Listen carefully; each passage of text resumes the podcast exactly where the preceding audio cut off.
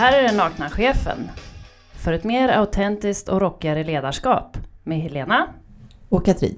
Katrin. Får man vara kompis med chefen? Ja, det är en eh, rolig fråga. Enligt alla eh, budord jag har hört, läst i böcker om ledarskap eller i ledarskapsutbildningar och seminarier så är ju det enkla svaret nej, det får man inte. Nej, och varför inte? Ja, det, det har jag klurat en del på.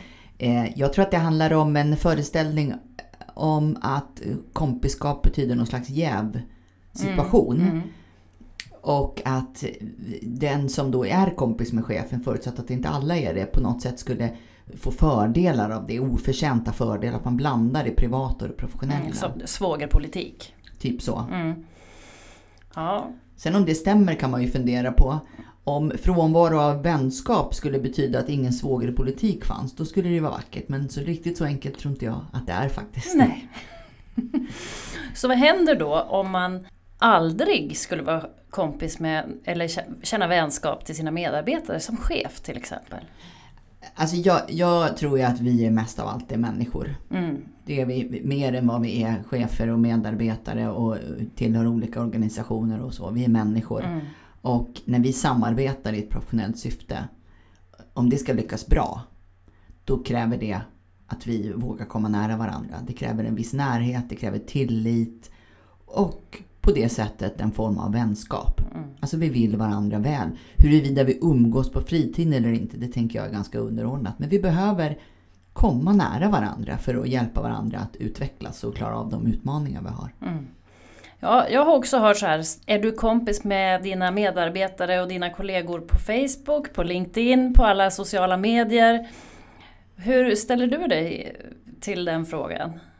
Jag, jag har jobbat på olika ställen där det finns eh, regelverk runt det. Mm. Och när Facebook var nytt, mm. då, då var jag på ett ställe där det var en politiskt styrd organisation och där någon tyckte att vi skulle ha en regel att ingen fick vara kompis med någon politiker. På Facebook. Och, och, det kan man kanske fnissa lite åt nu. Det var ju naturligtvis en osäkerhet i det när sociala medier var nytt. Mm. Men, men jag drev med det där i den ledningsgruppen och sa att jag tycker inte heller att någon ska få bo granne med någon eh, politiker. Ja. och, och det, kan, det kanske var lite av ett skämt men, men också allvar. Därför att vi kan ju inte förbjuda varandra att ha sociala kontakter. Nej. Det finns ju det är inte sällan kärlek uppstår på jobbet. Mm. Vad händer då då? Ska man sluta? Alltså... Ja, det finns ju vissa arbetsplatser som har ganska strikta policies kring det där. Ja, och det är väl på sätt och vis bra när de är uttalade och klara. Mm. För då lite vet man vad som gäller. Men jag, jag tror också att mänskliga relationer är, är, lite svårare att styra via en enkel policy och ett regelverk. Mm. Eh, så att...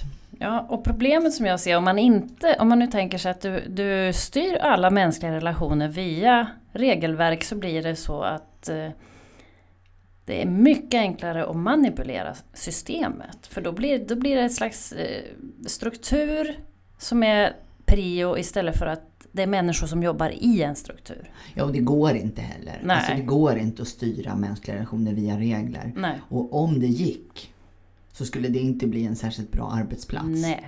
Alltså, det, som gör att en organisation fungerar är ju till slut förtroenden mellan människor. Mm. Det är ju inte regler. Nej. Tillit och förtroende. Och det är ju det nästan alla studier visar också. Var kan människor känna sig engagerade och göra ett bra jobb? Jo, när de känner tillit och förtroende. Men det är också, det är också en fundering det där. För att jag har ju många gånger från medarbetare fått förtroenden av olika slag som har inletts med det här borde jag egentligen inte berätta för dig men mm. och så kommer någonting. Mm. Och det kan man ju fundera varför går folk omkring och tänker så? Mm. Ja för att det finns ju samma regelverk eller inofficiella regelverk åt andra hållet. Så om jag är medarbetare så, vet, så funderar jag mycket på, ja men ska jag berätta det här för chefen eller inte? Av det skälet att det är min chef. Ja, och vad, vad finns det att förlora? Nej. Vad är riskerna?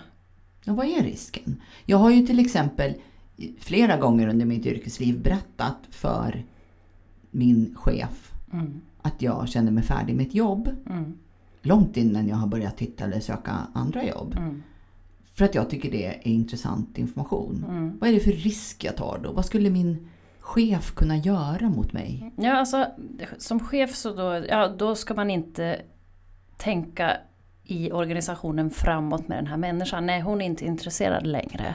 Då ska jag sluta få ska, chanser. ja, då kommer du sluta få chanser. Det är väl det som är den eh, normala tankekedjan där bakom tror jag. Men jag undrar hur mycket verklighet det finns i den. Är det något vi är rädda för eller är det något som finns där på riktigt? Nej, det är något vi är rädda för. Det är rätt Om jag tänker mig själv i chefsstolen så Mm. begriper jag ju att människor inte jobbar för evigt på samma ställe. Vi har en omsättning. Det är till och med någonting vi vill ha. Det är Mm. bra att det rör sig. Och Och det, jag, jag är ju inte intresserad av att, att sluta... Eh, alltså, att, jag är intresserad av att människor ska prestera bra så länge de är på den arbetsplatsen. Oavsett om man har sagt upp sig eller inte. mm, Och det, att prestera bra förutsätter ju att man blir behandlad på ett schysst sätt. mm. Så att det kan ju inte ligga i, i organisationens intresse att det plötsligt skulle ske något brott i det för att man väljer en annan väg framåt. Jag, jag tror att det är en gammal auktoritetstanke, auktoritär tanke att, att vi måste undanhålla, vi får inte vara människor. Det, det, handlar om en, det handlar om en världsbild. Är vi människor som jobbar i en organisation tillsammans? Eller är vi ett antal roller som är strukturerade på ett hierarkiskt vis? Jag tror, alltså, jag tror att det är de två skillnaderna. Just det. Kanske är det dags att uppdatera en del av de där Ja. idéerna. Det kan vara dags att göra det. Och det handlar mycket om öppenhet och mod. Vad är jag rädd för? Vad är jag rädd för som chef i det här fallet eller vad är jag rädd för som anställd? Och jag har varit med ett antal gånger när folk har kommit till mig och är jätterädda för de ska berätta att de tänker sig ha fått ett nytt jobb. Mm. Och jag, tycker, jag har nog oftast tyckt att, ja men vad kul, för det behöver du. Oftast är det ju rätt, förstår man ju det. Om man har haft en vettig dialog innan så förstår man att det här är en människa som faktiskt behöver någonting nytt. Just det. Om man har de, den öppna dialogen med, mellan medarbetare och människor hela tiden. Och chefer menar jag, fast jag sa människor. Ja, ja, men det var ju människor Ja, också. ja. Sa vi ju. Ja, så att eh, mindre hemlisar. Mindre hemlisar, mindre tabun och, och en öppen dialog. Ja, kanske framförallt rädslan är det som bekymrar mig mest. Mm. Att vi ska känna oss rädda för att, att berätta saker. Det betyder inte att vi ska dela allt. För det är ju, vi delar ju det som är relevant för det vi ska åstadkomma Mm. tillsammans naturligtvis. Mm. Men, men jag menar ju att om jag har en medarbetare som till exempel går igenom en besvärlig skilsmässa. Mm. Kanske alla skilsmässor är det, det vet jag inte. Men i alla fall. Mm. Det, Som påverkar. ja, och det, det är klart att det påverkar. Det, det är klart att jag vill veta det. Mm. För jag märker ju att någonting inte riktigt Mm. stämmer. Eller att det inte är riktigt hundra sådär. Mm. Det är väl jättebra Mm. att få veta det. Och då kan jag ju supportera och stödja. Jag vet att det är någonting som, som passerar. Liksom. Det är någonting som man ska igenom. Och så Mm. är det ju med många livshändelser. Så jag tycker att det är relevant professionell information. Och, Mm. och det är ju det är ju lite jobbigt om det ska vara läskigt att berätta. Mm. Så som naken chef så kan man ju i alla fall säga, men tänk ett steg till innan den här rädslan slår till. Vad är det jag är rädd för? Ja. Ja, och kanske jobba på den dialogen. Både med Mm. mitt team och individuellt. Mm. Och, och visa att, att det går och jag kan hantera förtroenden Mm. som chef. Mm. Det, det är väl en viktig grej. Både som Walk the talk. chef och människa. Ja. Ja. Ja. Så vad kommer nakna chefen fram till? Får man vara kompis med chefen? Ja. Man får faktiskt Man det. får det. Ja. Man kanske till och med kan säga att det inte är den mest spännande frågan. Nej. Utan det viktiga är att det finns tillit och förtroende och öppenhet. Mm. Och dialog. Det här är den nakna chefen. Med Katrin Och Helena.